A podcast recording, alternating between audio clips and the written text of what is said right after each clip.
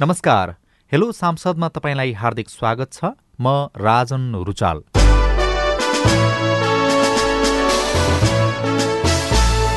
आजको हेलो सांसदमा हामीसँग हुनुहुन्छ नेकपा एमालेका सचिव समेत रहेका ताप्लेजुङबाट निर्वाचित सांसद योगेश भट्टराई।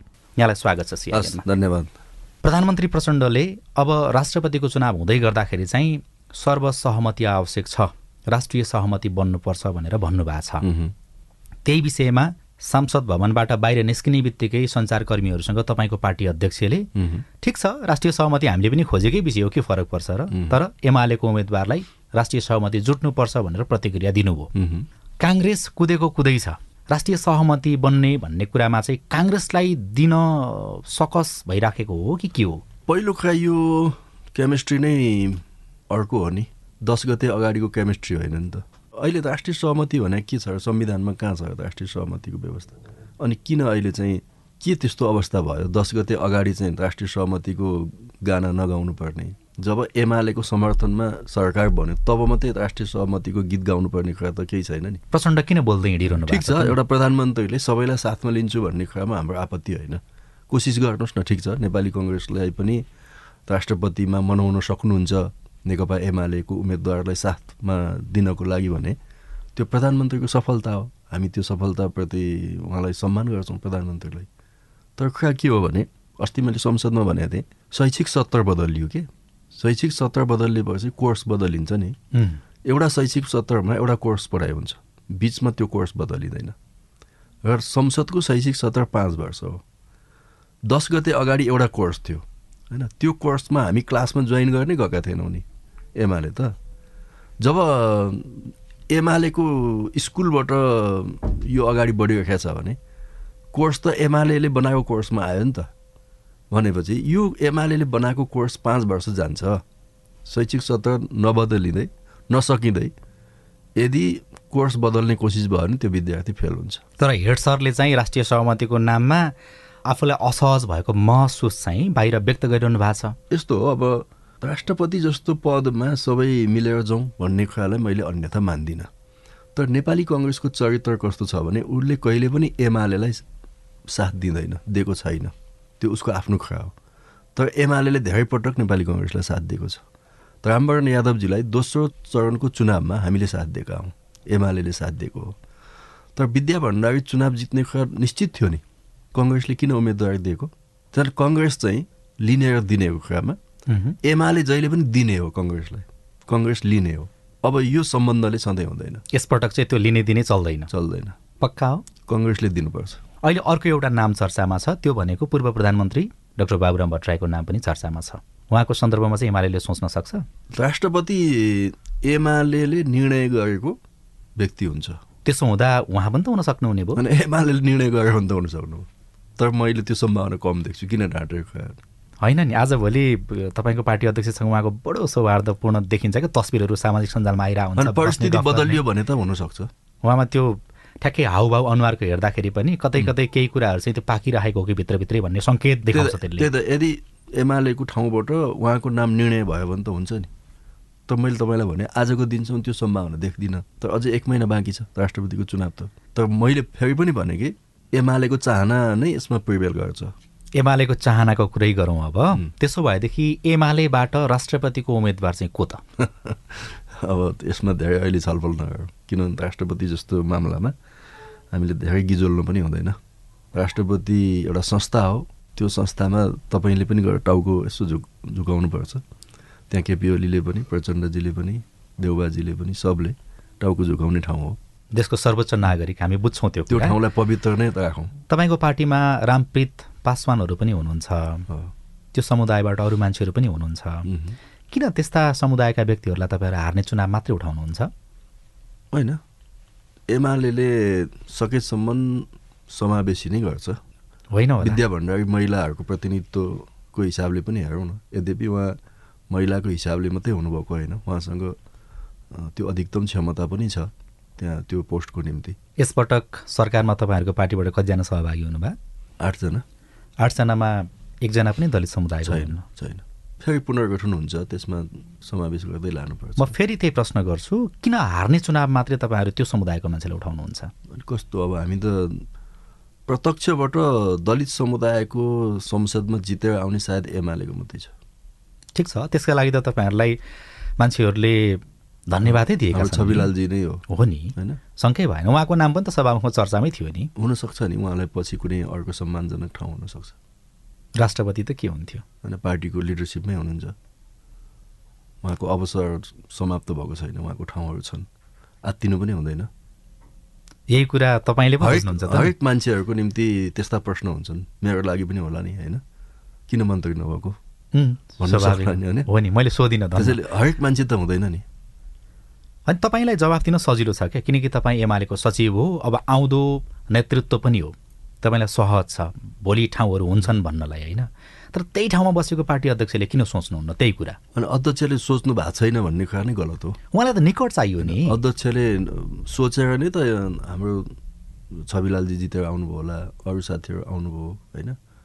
भोलि जिम्मेवारीमा त्यस ढङ्गले फेरि अध्यक्षको चाहना नहुँदा नहुँदै त हुँदैन नि त होइन? त्यो त हुनै पऱ्यो अध्यक्षको पनि चाहना हुनु पऱ्यो पार्टीको पनि चाहना हुनु पऱ्यो त्यसमा जानुपर्छ तर म यति भन्छु कि नेकपा एमाले नै आजका राजनीतिक दलहरूमा सबभन्दा समावेशी छ। लैङ्गिक हिसाबले जातीय हिसाबले उत्पीडित समुदायको हिसाबले मधेसी समुदायको हिसाबले। अब यसबाट हेर्नुहुन्छ भने कुनै कुनै बेला मधेसी समुदायको प्रतिनिधित्व हाम्रो क्याबिनेटमा कम हुन्थ्यो।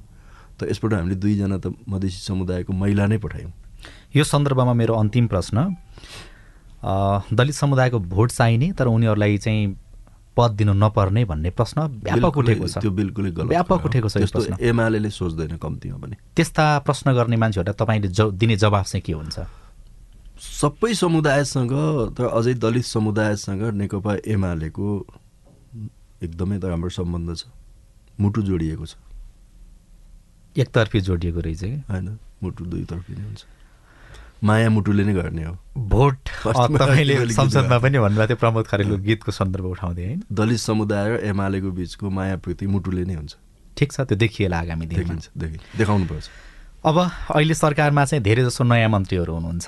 किनकि नयाँ आएको पार्टी जब सरकारमा पुग्यो त्यो पार्टीबाट पहिलोपटक कोही व्यक्ति उप प्रधानमन्त्री बन्नुभयो गृहमन्त्री बन्नुभयो त्यस पछाडि पुराना भनिएका पार्टीका पुराना नेताहरूलाई उहाँको मातहतमा बसेर अथवा त्यो सिनियरिटीको हिसाबले तल बसेर काम गर्न गाह्रो भयो। त्यसकारण नयाँ मा- अनुहारहरूले चाहिँ अवसर पाए भन्ने पनि छ बाहिर सन्दर्भ। नयाँ अनुहारहरू त्यो पार्टीको रूपमा होस् अथवा पुराना पार्टीबाट पहिलोपटक सिंहदरबारमा आसीन भएका व्यक्तिहरूको कुरा होस् उनीहरूले के गर्नुपर्छ? तपाईँ त मन्त्री पनि भइसक्नु भए होइन? धेरै कुराहरू थाहा छ सिक्नु भएको छ विवाददेखि लिएर राम्रो काम गर्ने अवसरहरू कहाँ आउँछन् कसरी आउँछन् कसरी विवादको घेरामा पारिन्छ सबै थाहा छ तपाईँलाई। उनीहरूलाई के सुझाव दिनुहुन्छ तपाईँ? अनि मेरो सुझाव उहाँहरूलाई के भने अहिलेको अवस्था अलिकति चुनौतीपूर्ण छ। यो यो अवस्था खास गरी अर्थतन्त्रको स्थिति। त्यति सन्तोषजनक छैन। त्यसो भएको हुनाले ज्यादा मेहनत गर्नुपर्छ मन्त्रीहरूले। अहिले पनि भनौँ न चौध पर्सेन्ट पनि पुगेको छैन पुँजीगत खर्च। हो। यो छ महिना भइसक्यो। जबकि अहिलेसम्म हामी तिस पर्सेन्टको माथि जानु पर्थ्यो। त्यहाँदेखि मन्त्रीहरूले अब आफ्नो मन्त्रालयभित्रको बजेट कार्यान्वयनमा तीव्रता दिनुपर्छ होइन? त्यसको निम्ति प्रशासन कर्मचारी तन्त्रलाई चलाउनु पर्यो। त्यो निर्देशन दिँदै हिँड्नु भएको छ नि मन्त्रीहरू। त्यो चाहिँ तपाईँलाई कस्तो लागिराखेको छ? त्यो पनि कतिपय सन्दर्भमा आवश्यक छ तर त्यो अनावश्यक त्यो पपुलारिटीको निम्ति गर्ने चलन छ नेपालमा होइन? त्यसले पपुलर हुँदैन कर्मचारीहरूलाई निर्देशन दिनै पर्ने गरीको त्यो जकडिएको कर्मचारी कर्मचारी? चाहिँ यस्तो हो कर्मचारी भनेको मेसेन्जर हो नि होइन? तपाईँले के कुरा पठाउनुहुन्छ त्यसले लिएर जाने त हो नि। यहाँ धेरै कर्मचारीलाई दोष दिन्छन्। त्यही त। त्यस्तो मात्रै पनि होइन। कर्मचारीले यदि मन्त्रीले चाह्यो भने कर्मचारी सबै एक्टिभ भइहाल्छन् काम गर्छन्। तपाईँ चाहिँ मेरो सन्दर्भमा म मन्त्री हुँदाखेरि कर्मचारी साथीहरूको कारणले मेरो प्रोजेक्ट असफल भएको छैन।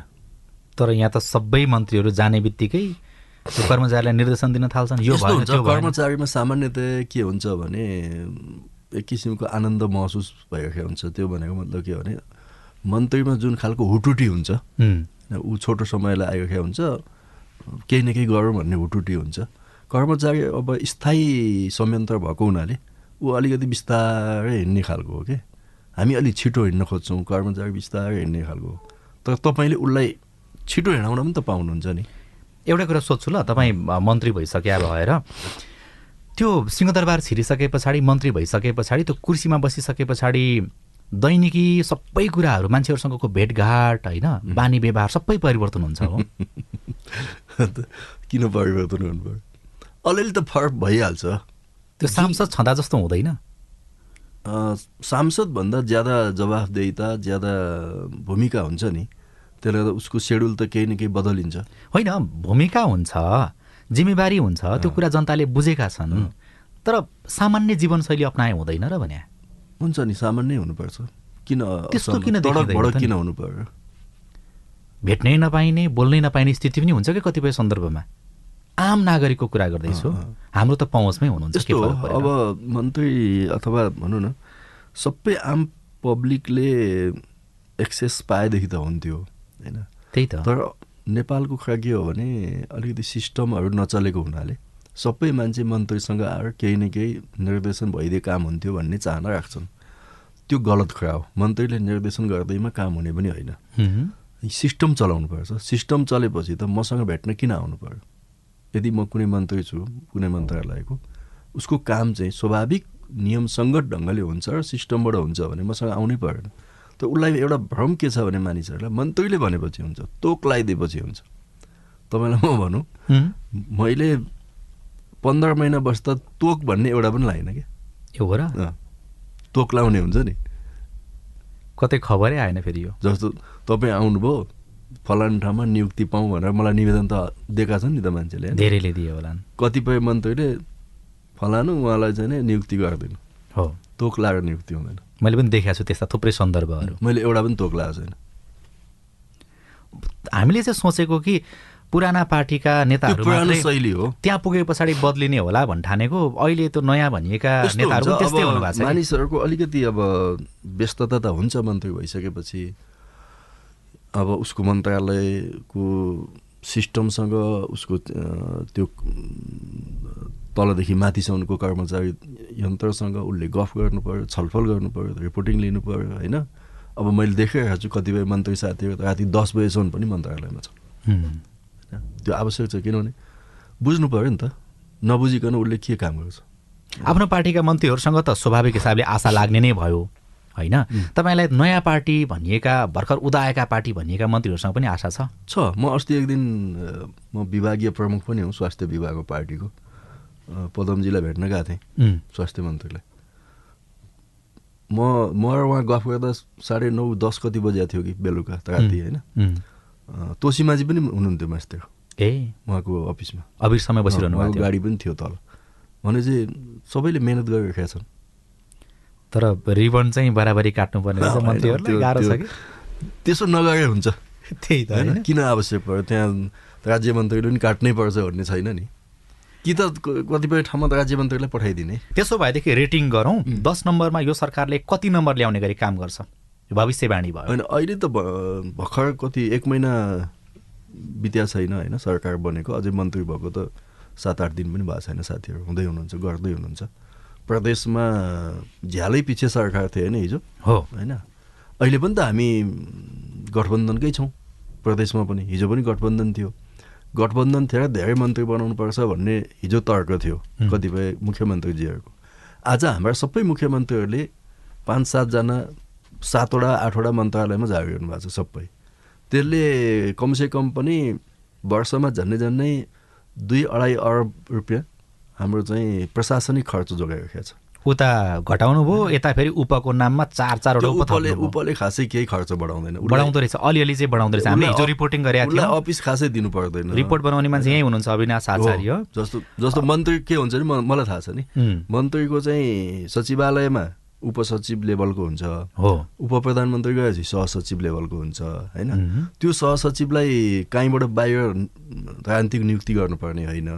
ऊ काहीँ न काहीँ काम गरेकै मान्छे त्यहाँ आउने हो। अलिकति उप प्रधानमन्त्रीको पारिश्रमिक थोरै बढ्छ होइन? सुरक्षा थोरै बढ्ने। पाँच हजार जति बढी त्यस्तै हो। त्यो खासै त्यो नोमिनल कुरा हो अर्को अफिस चाहिँदैन उसलाई। किन ऊ जुन मन्त्रालय हेरेको हुन्छ त्यही मन्त्रालय नै उसको अफिस हो। त्यो पनि त सुधार गर्न सकिने कुरा हो नि। त्यो हो। अब नबनाउँदा के फरक पर्छ र। नबनाउँदा पनि हुन्थ्यो अब तर चाहिँ वरियता त्यही कायम राखेर उप हटाइदिए पनि त हुन्छ नि केही फरक पर्ने थिएन। साना साना कुराहरू हुन् क्या जनतालाई खुसी दिने कुराहरू भने चाहिँ। अनि यो चाहिँ तपाईँलाई म के भन्छु भने हाम्रो देशको संविधान हाम्रो निर्वाचन प्रणालीको अनिवार्य परिणति हो। यसमा धेरै क्रिटिसिजम गरेर हुन्छ जस्तो लाग्दैन मलाई। अर्को तपाईँलाई लाग्ने आरोप के छ भने नि त्यो म यसो हेर्दाखेरि तपाईँको इन्टरभ्यूहरू हेर्छु देख्छु होइन? अलि बढी छुटेर गएकाहरूसँग तपाईँ होइन उनीहरूको आलोचनामा समय खर्चिने हो कि जस्तो लाग्यो? त्यस्तो हो र? आज नगरौँ न त त्यो होइन। त्यो चाहिँ किन? त्यति मात्रै मेरो प्रश्न होइन सोध्छन् अब तपाईँले पनि सोधेपछि मैले के भन्नु पऱ्यो नि त? सोधि नसोध्दै हुन्थ्यो नि त होइन? म त्यो सोध्दिनँ तर किन खर्चिनु भयो त्यति चाहिँ सोध्दैन होइन पत्रकार साथीहरूले सोध्छन् अब माधव नेपालको बारेमा के छ भन्छन् झलनाथजीको बारेमा के छ भन्छन्? अनि सोधेपछि त दुईवटा टिप्पणी हुन्छ नि। सकारात्मक कुरा गर्दा हुँदैन र कहिले सकारात्मक पनि हुन्छ उहाँहरूको बारेमा किन नहुनु? त्यसो भएदेखि एमाले माओवादी लगायत। कम्युनिस्ट पार्टीहरूलाई फेरि गोलबद्ध गराउने सम्भावना चाहिँ कति छ? छ। त्यो हाम्रो पार्टीको दसौँ महाधिवेशनले पार्टीको आगामी कार्यभार भनेर जुन शीर्षकमा हाम्रो दस्तावेज छ त्यो दस्तावेजको एउटा महत्त्वपूर्ण पोइन्ट यो पोइन्ट हो यो। यही नेतृत्व छँदै हुन्छ त्यो। हुन्छ नि किन नहुनु? तपाईँलाई विश्वास लाग्छ? अनि त्यो त बाटोमा हिँडेपछि हुन्छ नि। हामी त्यो बाटोमा त कमसेकम फर्क्यौँ नि अहिले होइन? सरकार त्यो बाटोको एउटा सूचक हो। कमसेकम एमाले र माओवादी त एक ठाउँ आयौँ नि होइन? अब यसमा म के भन्छु भने हिजोका धेरै गन्जागोल कुरा गरेर समय व्यतीत गर्नु हुँदैन हो। होइन? हिजोका कुरा गर्न थाल्यो भने त मिलिँदैन। त्यो नयाँ बाटोमा चाहिँ तपाईँहरूबाट छुटेर गएकाहरू पनि आउँछन्? आउनु होला। आशा हो कि विश्वास हो आउनु होला भन्ने गलत के गर्नुभयो भने अब पार्टीले माधव कमरेडको पार्टीले चाहिँ वामपन्थी एकता गर्ने भनेर वार्ता कमिटी बनायो होइन। वामपन्थी एकता गर्ने वार्ता कमिटी बनाउने पार्टीले भोट कसलाई हाल्यो भन्दा काङ्ग्रेसलाई हाल्यो। अस्ति सभामुखमा। काङ्ग्रेस त वामपन्थी होइन। होइन? वामपन्थी एकता गर्ने पार्टीले त बिना शर्त एमालेको क्यान्डिडेटलाई भोट हाल्नु पर्छ रिस अझै मरिसकेर हिँड्छ क्यारे त्यसो भए। त्यसमा एउटा निर्णय गर्ने अर्को बाटो हिँड्ने हुँदैन। सबै पार्टीहरू कम्युनिस्ट पार्टीहरू एक भएको दिन देख्नको लागि चाहिँ केपी ओलीकै नेतृत्वमा सम्भव छ कि योगेश भट्टराईको पुस्ता नेतृत्वमा आउनुपर्छ? दिन तोकेर त भन्न सकिन्न होइन? फेरि सबै कम्युनिस्ट पार्टी एक ठाउँ आउँछन् भन्ने पनि मलाई लाग्दैन हेर्नुहोस्। तर मूल कम्युनिस्ट पार्टीहरू? अब कतिपय पार्टीहरू अब सिद्धान्त नमिलेर पनि विभाजित हुन्छन् कतिपय पार्टीहरू व्यवहार नमिलेर पनि विभाजित हुन्छन् हेर्नुहोस्। होइन? के गर्ने अब? जे होस् अलिकति पर्खिनु चाहिँ पर्ने भयो। अब सवाल के हो भने कम्युनिस्ट जनमतलाई कसले लिड गर्छ भन्ने हो। वामपन्थी जनमतलाई कसले नेतृत्व गर्दै जान्छ त्यो नै मूलधार हुँदै जान्छ क्या। मैले अस्ति एक दुई ठाउँ पनि भने कुनै बेला कर्णालीमा हाम्रो पार्टी कमजोर थियो। एमाले। बलियो को थियो? नेमकिपा थियो। हो? जुम्लामा दिल्ली महतजीले जित्नु भएको थियो कालीकोटमा प्रेमबहादुर सिंहले जित्नु भएको थियो यता दैलेखमा विनोद शाहले जित्नु भएको थियो। ठुलो हिस्सा चाहिँ नेमकिपाको थियो। तर त्यो नेमकिपाले आफ्नो सङ्गठन बचाउन सकेन। किन बचाउन सकेन भने त्यहाँको आम जनतालाई के थाहा भयो भने यो नेमकिपाले केन् केन्द्रीय राजनीतिमा भूमिकै दिन सक्दैन। भने चाहिँ किन नेमकिपाको पछि लाग्ने? त्यो पङ्क्ति बिस्तारै नेकपा एमालेमा आयो। नेताहरू पनि आउनुभयो जनमत पनि आयो। अब आज नेमकिपा कर्णालीमा काहीँ जित्छ त एक्लै भन्दा काहीँ जित्दैन। होइन? माओवादीतिर सङ्केत गर्न खोज्नु भयो अहिले? बिस्तारै भनेर। हो। एकीकरण तपाईँले जुन भन्नुभयो एकदमै राम्रो कुरा हो। त्यो दुईवटा बाटोबाट हुन्छ। एउटा सङ्गठन सङ्गठन मिलेर एकीकरण हुन्छ। भोलि कुनै बेला होला माओवादी एमाले समाजवादी मिलेर पार्टी एकीकरणै होला। त्यो बाटोबाट भएन भने अरू पार्टीहरूले आफ्नो भूमिका देखाउन नसकेपछि। त्यो जनमत चुम्बकीय गुरुत्वाकर्षण जहाँ हुन्छ नि त्यहाँ आउँछ नि। जेसुकै भए पनि आइडियोलोजिकल हिसाबले प्रतिस्पर्धा कहाँ छ त भन्दा एउटा लिबरल डेमोक्रेसीमा विश्वास गर्ने नेपाली कङ्ग्रेस छ। र अर्को लेफ्ट डेमोक्रेटहरू त्यो विभिन्न धारमा विभाजित छ त्यसको ठुलो पार्टी एमाले हो होइन। जनमतले त्यही भन्छ। भनेपछि यो लेफ्ट जनमतलाई प्रतिनिधित्व गर्ने कसले चाहिँ लिबरल डेमोक्रेसीसँग प्रतिस्पर्धा गर्न सक्छ त? भन्दा माओवादीले हराउन सक्छ कङ्ग्रेसलाई? देशव्यापी? एकाध ठाउँमा सक्ला। माधव नेपालको पार्टीले सक्छ? सक्दैन। नेमकिपाले सक्छ? एक ठाउँ सक्छ। आजसम्म क्षेत्रमा। अब जनमोर्चाले सक्छ? यदि कसैले सहयोग नगर्ने भने अब उसले प्युठानमा पनि सक्दैन बागलुङमा पनि सक्दैन। हो? भनेपछि ए- कङ्ग्रेसलाई प्रतिस्पर्धाबाट जित्ने शान्तिपूर्ण प्रतिस्पर्धाबाट जित्ने वैधानिक बाटोबाट जित्ने पार्टी को हुन्छ? एमाले हुन्छ। भनेपछि वामपन्थी जनमत कता जान्छ त? यदि पार्टी एकीकरणको बाटोबाट गएन भने। धैर्यताको कुरा गर्दाखेरि चाहिँ राजनीतिमा धैर्यता आवश्यक छ तर विकासको कुरा गर्दा जनता धैर्य छैनन्। छैन। उनीहरूलाई तत्काल विकास चाहिएको छ। तपाईँको निर्वाचन क्षेत्रका केही प्रश्नहरू छन्। ती प्रश्न म एकैपटक सुनाउँछु। पाँचवटा छवटा प्रश्न छन् सम्भवतः। ती प्रश्नहरू सुनौँ र समग्रमा तपाईँले जवाब दिन सक्नुहुन्छ। किनकि यो सुरुवात हो। तपाईँले अहिले केही बनाइसक्नु भएको छैन गरिसक्नु भएको छैन। यो कार्यकालमा अघिल्लो कार्यकालमा गर्नुभयो स्वाभाविक हो। समय छ। त्यसकारण एकैपटक म प्रश्नहरू सुनाउँछु र एकैपटक समग्रमा जवाब लिन्छु।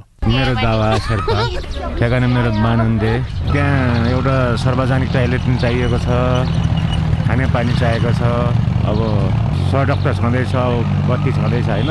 हामीले चाहिएको त खानेपानी एउटा सार्वजनिक टोइलेट चाहिएको छ। खानेपानीको चाहिँ निकै समस्या नै छ। नमस्कार म कुमार कार्की पाथिभरे याङ्गो गाउँपालिका दुई थेचम्बु पूर्वी भाग याम्फुदिनसम्म जोड्ने काबेली करिडोरको निर्माण कार्यलाई प्राथमिकताका साथ अगाडि बढाउँछु भन्नुभएको थियो।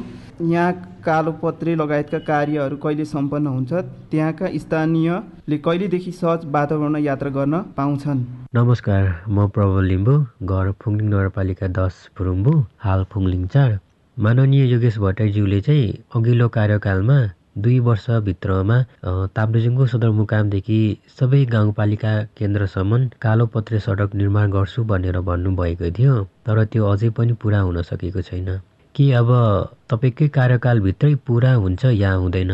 कि अझै हामीले कति वर्षौँसम्म गाउँदेखि सदरमुकाम जान आउन बर्खयाममा हिलो अनि हिउँदो समयमा धुलो भएको सडकमा यात्रा गर्नुपर्ने हो?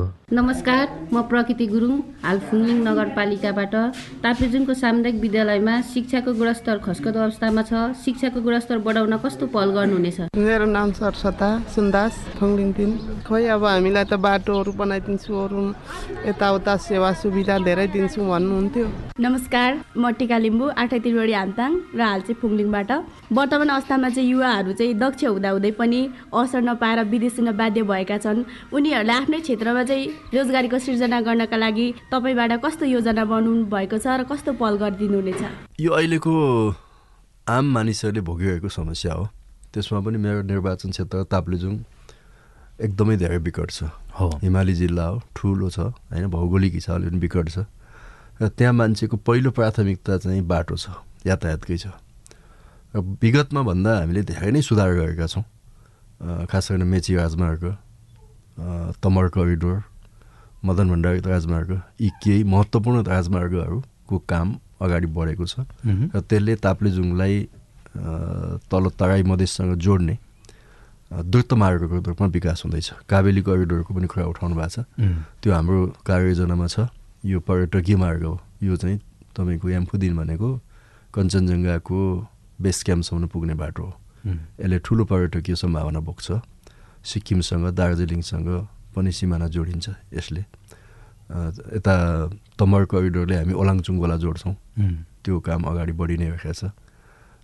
त्यसको स्तर उन्नति गर्ने पिच गर्ने पुलहरू बनाउने ठेक्का पट्टाहरू भएका छन् ती काम हुन्छ। र म अघिल्लो पटक चुनाव लड्दा एकसट्ठी वडामध्ये त्यस्तै बिस पच्चिसवटा वडाको वडामा मात्रै कच्ची सडक थियो। अहिले एकसट्ठी वडामै कच्ची सडक पुगेको छ। त्यो त राम्रै उपलब्धि हो। र अघिल्लो सरकार जो नेकपा एमालेको थियो हामीले प्रत्येक पालिका केन्द्रलाई जिल्लासँग जोड्ने सडकलाई कालोपत्र गर्ने भनेका थियौँ। तर त्यो बजेट चाहिँ पछि यो गठबन्धनको सरकार आएपछि हटाइदियो। अहिले फेरि सरकारको न्यूनतम साझा कार्यक्रममा हामीले त्यो राखेका छौँ। दुई वर्षभित्र जिल्ला सदरमुकामबाट पालिका सेन्टर जोड्ने सडकलाई कालोपत्र गर्ने। अबको यदि- दुई वर्षभित्र। अब दुई वर्षभित्र। यदि यो मात्रै पनि गर्न सक्यौँ भने पहाडी र हिमाली जिल्लाको कायापलट हुन्छ। त्यहाँ अहिले अब हाम्रो फोकस त्यसमै हुन्छ। हुन्छ त दुई वर्षभित्र? सम्भव छ। किनभने ट्र्याकहरू त खुलिसकेका छन् लगभग लगभग होइन? तराई मधेसमा यो समस्या होइन। किनभने लगभग सबै पालिका सेन्टर कालोपत्र नै छन् तराई मधेसमा पाहाडका पनि कतिपय छन् तर हिमाली र केही पहाडी जिल्लाको समस्या हो यो। यसमा हामी लाग्नै पर्छ। यसले ठुलो कायापलट गर्छ यातायातको क्षेत्रमा। लगभग एउटा जिल्लाको त्यसो हुने हो भने झन्डै झन्डै फिफ्टी पर्सेन्ट सडक यसले सुधार्छ कि। त्यो भनेको ठुलो क्रान्ति हुन्छ। त्यतातिर हामी लाग्छौँ। अब त्यस्तै शिक्षाको सुधारको कारण भएको छ सामुदायिक विद्यालयहरू धेरै नै कमजोर छन्। होइन यो हामीले स्वीकार्छौँ। मेरो जिल्लामा त शिक्षाको भौतिक पूर्वाधार नै कमजोर थियो। मैले कुनै अन्तर्राष्ट्रिय आइएनजिओहरूसँग कुराकानी गरेर उहाँहरूको सहयोगमा अहिले हामीले चाहिँ झन्डै उन्साठी साठीवटा स्कुल भवनहरू बनाएका छौँ माध्यमिक विद्यालयका। जिल्लाभरि? जिल्लाभरिमा। ती पैँतालिसवटा जति बनेका छन् अरू बन्ने क्रममा छन्। हजुर। त्यस्तै अर्को एउटा अन्तर्राष्ट्रिय संस्थासँग हामीले कुराकानी किन नेपाल सरकारले शिक्षामा पूर्वाधार विकासमा धेरै बजेटै दिन सक्दैन। पैसै छैन। त्यसो हुँदा हामीले विदेशीहरूसँग पनि कुराकानी गरिरहेका छौँ। तर नयाँ अर्को अन्तर्राष्ट्रिय संस्थासँग कुराकानी गरेर हामी केही आधारभूत विद्यालयको भौतिक पूर्वाधारमा काम गर्दैछौँ। यो गएको पाँच छ महिनामा गएको एक वर्षमा भनौँ न हामीले चारवटा स्कुलहरू नयाँ बनायौँ र यो चाहिँ अर्को एक डेढ वर्षमा हामी अर्को बिस पच्चिसवटा बनाउँछौँ। त्यो सम्झौता लगभग हाम्रो भएको छ जिल्लामा। त्यसले भौतिक पूर्वाधारको त सुधार गर्छ तर गुणस्तर त भवन देखेर त आउँदैन। त्यसमा त विद्यार्थीको व्यवहारमा परिवर्तन गर्नुपर्छ शिक्षकको व्यवहारमा परिवर्तन गर्नुपर्छ अभिभावक।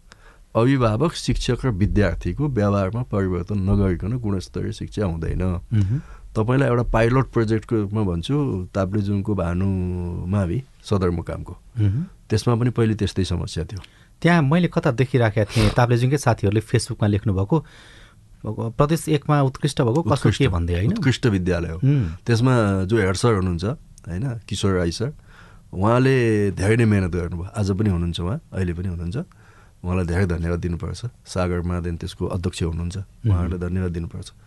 उहाँहरूले कमिटमेन्ट गर्नुभयो। गएको दुई तिन वर्ष कमिटमेन्ट गर्दा स्कुल धेरै सुधार भएर अहिले बोर्डिङ स्कुलका विद्यार्थी फर्किरहेका छन्।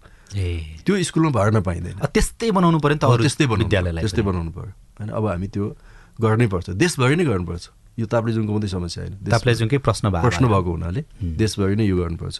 नत्र भने शिक्षा हुने र नहुनेको बिचमा विभाजन हुन्छ कि? शिक्षा र स्वास्थ्यमा हुने र नहुनेको विभाजन हुनु हुँदैन। यो आधारभूत कुरा हो होइन? त्यस कारणले हामी त्यतातिर जान्छौँ। खानेपानी त्यसपछि सिँचाइ लगायतका समस्याहरू ठाउँ ठाउँमा छन्। रोजगारीको कुरा। रोजगारीको कुरा छन् सिँचाइको हाम्रोमा त्यति ठुलो समस्या किन छैन भने ताप्लेजुङ खोला नालाहरू पर्याप्त भएको जिल्ला हो। बरु चाहिँ बाढी पहिरोको समस्या हाम्रोमा होइन? सिँचाइको कम समस्या केही केही ठाउँमा छ तर धेरै ठाउँमा सिँचाइको समस्या होइन हाम्रो। खानेपानीको पनि ठुलो समस्या होइन। केही केही ठाउँमा सुक्खा ठाउँ छन् नत्र भने ताप्लेजुङको धेरै ठाउँमा खानेपानी पर्याप्त छ। तर त्यसलाई व्यवस्थित गर्नुपर्ने छ। तपाईँलाई एउटा भन्छु पाथिभाडामा खानेपानी थिएन पाथिभाडाको टुप्पोमा। अघिल्लो पटक म सांसद भएर आएपछि हामीले नेपाल सरकारको लगानी अ, पाथिभरा क्षेत्र विकासको पनि त्यसमा लगानी छ। त्यसबाट अहिले लिफ्टिङ गरेर पाथिभराको टुप्पोमा खानेपानी पुर्यायौँ। अस्ति भर्खरै त्यहाँबाट पानी खोल्दै हुनुहुन्थ्यो। मलाई भिडियो पठाउनु भएको थियो होइन? भनेपछि बिस्तारै हामी त्यसलाई पनि अब फुङलिङ नगरपालिकाको खानेपानीको निम्ति यो खानेपानी विभागले एउटा ठुलो प्रोजेक्ट त्यो करिब करिब पैँतिस चालिस करोडको प्रोजेक्ट हुन्छ त्यो। त्यो हस्ताक्षर भइसकेको छ। ग्रामीण विद्युतीकरण अनुसार आउने दुई वर्षभित्र ताप्लेजुङका सबै हाउस होल्डमा प्रत्येक घरमा बिजुली पुर्याउने सेन्ट्रल लाइन भनेर त्यसको एक अरब डेढ अरब जतिको ठेक्का भइसकेको छ। काम पनि सुरु भइसक्यो। ल अन्तिममा यो चाहिँ जस्तो अरू सबै सांसदहरूले पनि काम गर्नुहुन्छ यसै गरी भन्नुहुन्छ। तर योगेश भट्टराई लगायत तपाईँहरू केही सांसदहरू हुनुहुन्छ तपाईँहरूसँग चाहिँ जनताको अलि बढी अपेक्षा छ? स्वाभाविक हुन्छ। होइन। अनि तपाईँहरूले चाहिँ अलिकति नमुना काम गरिदिए हुन्थ्यो अगुवा बनेर हिँडिदिए हुन्थ्यो सांसदको हिसाबले भनेर चाहिँ अपेक्षा छ। तपाईँ त्यो बन्नुहुन्छ त? कोसिस गर्छु। म पर्फेक्ट त कसरी हुनसक्छु होइन? म पूर्ण होइन नि। इमान्दार प्रयत्न चाहिँ हुन्छ। इमान्दार प्रयत्न हुन्छ। पूर्ण होइन म। मलाई पूर्ण रूपमा कसैले बुझ्नु हुँदैन। कोही मान्छे पूर्ण छैन। म पनि पूर्ण होइन। तर इमान्दार प्रयत्न तपाईँले जुन एउटा शब्द भन्नुभयो त्यही शब्द म दोहोऱ्याउन इमान्दार प्रयत्न गर्ने हो। यो सँगै हेलो सांसदको समय सकिएको छ। प्राविधिक साथी सुनिल राजभारतसँगै म राजन रुचाल पनि बिदा हुन्छु। हवस् त नमस्ते।